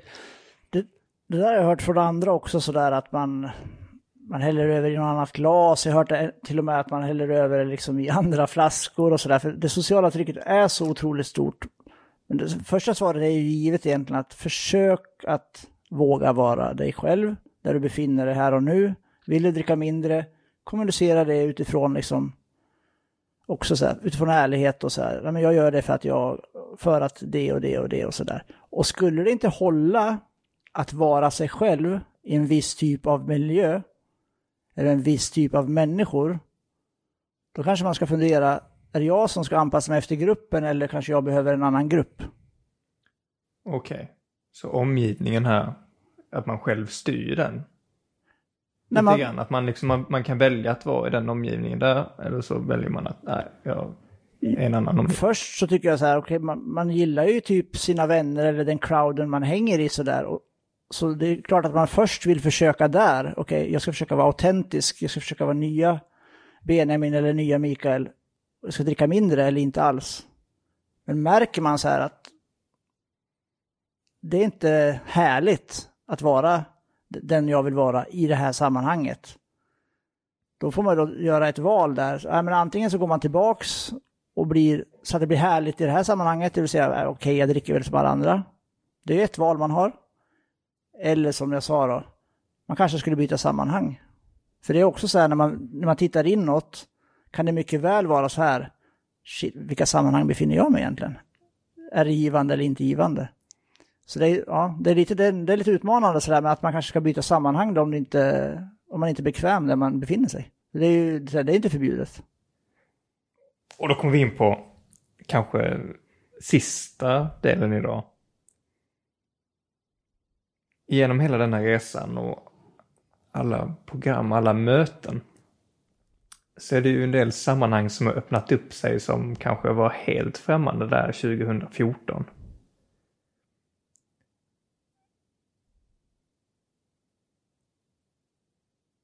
Vad är det fräckaste med, med det som du bedriver idag? Vad är det som du verkligen går igång och brinner för där? Och som du vill dela med dig till oss och till eh, Våga Mers lyssnare? kärnan i att det blev som det blev, det är att jag numera kan vara hela Magnus. Det vill säga, jag är ju en kreativ entreprenör. Jag har ju varit det länge. Även när jag drack så var jag ju det. Jag har ju vissa kompetenser och vissa kompetenser har jag inte, men det här är vad jag kan. Det vill säga paketera koncept, driva en story, få människor att samlas och så vidare. Det har jag gjort länge. Men så kommer den andra halvan in, den här nya Magnus som vi har pratat om, som har kollat på insidan och, och pusslat ihop en, en lite annan variant av, mycket mer balanserad variant. Och då blir det ju så här, okej, okay, jag är konceptutvecklare, jag är nykter. Vad, vad, vad är en konceptutvecklare? Nej, men så att jag får en kontext. Nej, men att jag jag har drivit med att utveckla olika kreativa mötesplatser. Jag jobbade på något, ställe som heter House of Win-Win och sen startade jag på Andra Långgatan ett, ett ställe som heter Pavement. Pusslade ihop det, det var en kaffebar och det var coworking och det var galleri och sådär. man, man pusslade ihop ett koncept helt enkelt. Och nu utvecklar du stans fetaste nattklubb ja, nu, utan alkohol. Ja, och nu är konceptet Inside Out Sober Club. Och konceptet är ju bara, det är ju namnet plus det vi gör liksom. Det blir liksom konceptet. Och konceptet är nattklubb utan alkohol. Och, då, och sen då får man då fylla det med massa härliga grejer. Så, så kärnan är att det är den jag är. Jag är kreativ och jag är nykter. Och så börjar vi där. Jag fick tillgång till en lokal. Testade några gånger. Jättestor efterfrågan, fullsatt tre gånger i rad. Sen kom corona, andra vågen. Det är lite motstridigt i dans och hångel och ja.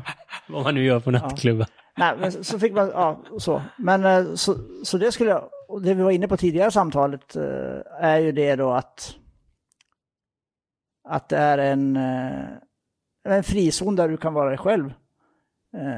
Som bygger på trygghet. Som, lite utifrån den jag också har blivit som människa, men det bygger på trygghet, det bygger på generositet, kärlek, tolerans. Eh, kom uppklädd till tänderna, kom nedklädd, dansa hela natten, eller sitt still på en stol och var blyg, det spelar ingen roll.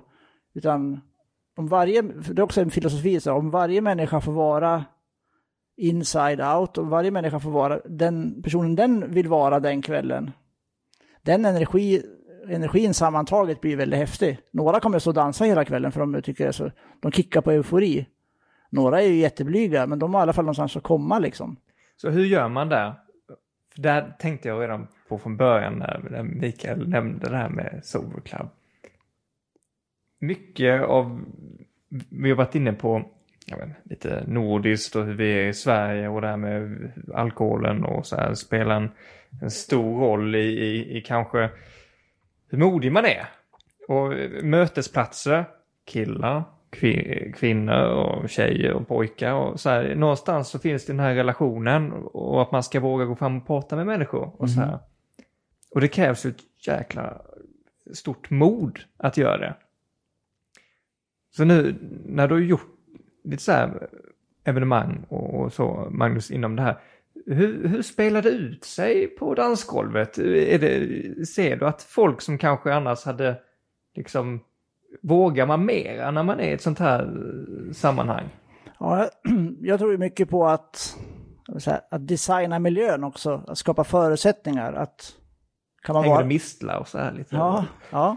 Nej men så här, dels att man så här, helt fundamentalt, att man kan vara avslappnad där, man blir inte dömd sådär. Oavsett om man dansar eller bara spelar pingis eller uppklädd, nedklädd kommer sent tidigt, vad som helst, så kan man vara sig själv och det är, så här, det är en, grund, en ganska bra grundförutsättning för att liksom så här, för, om man, om man nu kallar det för, liksom, för att träffa någon eller sådär. Och eh, apropå pojkar och flickor, kvinnor och män, så har vi ett otroligt stark hbtq-stammisgäng eh, som kommer också, så det, vi är blandat alla. Men det är så här, först designar vi miljön sådär, att det ska vara tryggt och, ro, och roligt och sådär. Och då och när människor kommer dit och märker att det är så på riktigt så blir människor sig själva. De vet, här, här dömer man inte varandra. Ja, jag tror att det öppnar faktiskt upp till bättre förutsättningar att träffa någon än om man eh, har druckit tio öl till exempel. Fast från andra hållet liksom. Så är man sugen på att träffa någon så kanske, säg så här nu, man har i alla fall gett det vanliga nattklubbandet en rejäl mm. chans. Då kanske man ska våga ge Inside Out en chans. Så man har kört den här nu i ett årtionde och fortfarande inte, ja nej, då är det kanske dags att byta steg. Och så kör man den lilla, lilla, lilla ribban, eller tröskeln och så kör man utan alkohol istället. Och jag tycker så här att visst, många som kommer, de är så här, det märker ju vi och vi har ju vissa som är stammisar, vi bygger även upp liksom som en, som en crowd sådär. Vi har en egen grupp på Facebook där vi liksom kommunicerar mycket med de som är oss närmast sådär. Men många av dem är ju vana, de går ju på liksom nyktra event och nyktra, så det finns, alltså det är också så här, okej, okay, en norm är en norm, men det finns ju alltid undantag för normen, så det finns ju gott om människor, alltså både i Göteborg och övriga Sverige, som dansar nyktra, som umgås nyktra, som så, som, som, inte liksom, som inte kör blockfylla varje helg sådär. Så för dem är det inget stort steg, men är man inte van så tycker man ska ge det en chans. Och, för det, det finns liksom ingen... Det, det, är inget, det finns inga prestationskrav sådär att man ska vara på ett visst man, sätt. Man ska inte känna sig utanför om man inte har gjort sånt här innan eller om det här inte är den dagliga aktiviteten man gör varje helg eller så, utan tvärtom kom som du är. Ja, absolut. Och jag tror att vi kan köra din eh, klassiska tröskeln där. Sänka tröskeln. Att målet kanske inte behöver vara sådär att träffa någon, att vara snyggast på stället, att dansa tills det stänger. Okej, jag går dit. Och som vi också sa, utforskar. Testa lite kubb, testa lite drinkar. Ja, men det är verkligen så. Och det är därför vi också så här, har lite rundpingis och sådär. Och, alltså, man behöver, det finns lite olika saker att göra. Men alltså, jag har sett lite bilder på ditt Instagram. Du verkar ju också ha de fetaste DJerna och grymma musikanläggningar och ja. typ som att jag skulle kunna titta in på en Stureplans nattklubb också. Ja, men det tycker jag också är viktigt att, som jag sagt det någon gång innan, om man säger okej, okay, vi ska ha en nyk nykter eh, klubb här och så hyr man liksom en HSB-lokal i Högsbo. Så här, för att man vet att de som är nyktra kommer ändå liksom. Men så här, vi vill ju göra helt tvärtom. Vi vill ju paketera det liksom över, över ribban liksom så här. Det var en riktigt fet upplevelse som man också kommer ihåg. Ja men alltså så, men vi vill ju, vi vill ju sätta Jo men som när man är, jag menar, liksom i, i, tidigare i sitt liv fick gå till Push och det var nyöppnat mm. och Stureplansgruppen hade manglat det mm. fetaste till Göteborg som bara fanns i Stockholm och mm. New York och London. Mm. Ja men verkligen, jag vill att paketet ska vara så snyggt som i alla fall mina resurser och förutsättningar går att göra. Liksom, så, här, så att det är också så här, också att sätta ihop saker på olika sätt. Så här, okay.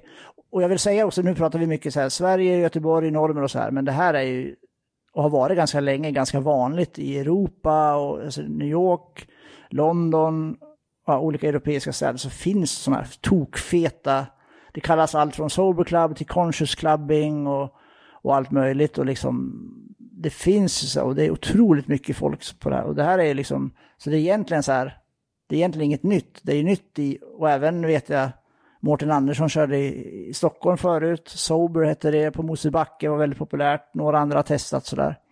Så nyckeln är väl kanske att hitta liksom en uthållighet i det sådär. Men alltså det finns en jättestor efterfrågan. Eh, och vi siktar på att finnas, både på att växa, Stockholm, eller Göteborg först, Stockholm, kanske Malmö bygga crowd och community runt, göra det till någonting mer, eh, arrangera talks, där man på ett inspirerande sätt pratar om olika liv, livsstil, personlig utveckling, hälsa, kreativitet. Så ta saker som egentligen redan finns men paketera dem på nya sätt. Eh, sådär. Du nämnde lite grann i början att det är nästa evenemang är snart ja. Efter covid-restriktionerna nu håller tummarna. Sicken timing. 2 oktober. Ui. Andra i tionde. Tekniken är fixad. Grymma Girls. Två olika DJ-set. Mm. Kontakt med mycket bra dryckesleverantörer. Ska vara på ett fantastiskt häftigt ställe som heter Värt. Och det är Gamlestans fabriker. En grym tjej som heter Corina som driver det, jobbar med mycket med, hon kallar det för Sustainable Food Lab, jobbar mycket med matsvinn olika designprocesser kring det. Passar oss väldigt bra för vi vill också positionera oss som att det här faktiskt handlar om social hållbarhet. Att faktiskt eh, bryta en norm och, och, våga liksom ha kul och, och träffas nyktra. Så vi vill... Så hållbart, inte bara miljön runt omkring men också inifrån ut. Ah, ja. it's so perfect. Ja men verkligen, så att... Eh, och vill man hitta oss så heter vi ju Inside Out Sober Club, både på Facebook och på Instagram och hemsidan är insideoutsoberclub.com. Och eh, så där är ni super, både ni två såklart, och det tar jag för givet att vi möts på dansgolvet. Eh, men även eh, om det är någon som lyssnar och eh, är sugen, så gå in och läs lite grann om oss och var inte blyga för att skicka någon, något DM där eller till mig på min privata, går också bra. Och ställa någon fråga och sådär. Eh. Så kan vi köra en kommunikation innan så att ni får lite mer kött på benen och våga ta steget. För det är det det handlar om ju, att våga ta steget. Ja, är det något som jag vågar mera så är det att börja klubba på ett nytt sätt. Men det pågår redan så det bakar på. Vi är sjukt glada att vi fick träffa dig så här tidigt i den här vågen. För jag är helt övertygad om att vi kommer få se mycket mer av dig Magnus och av Sober Clubbing. Tack! Underbart att vara här.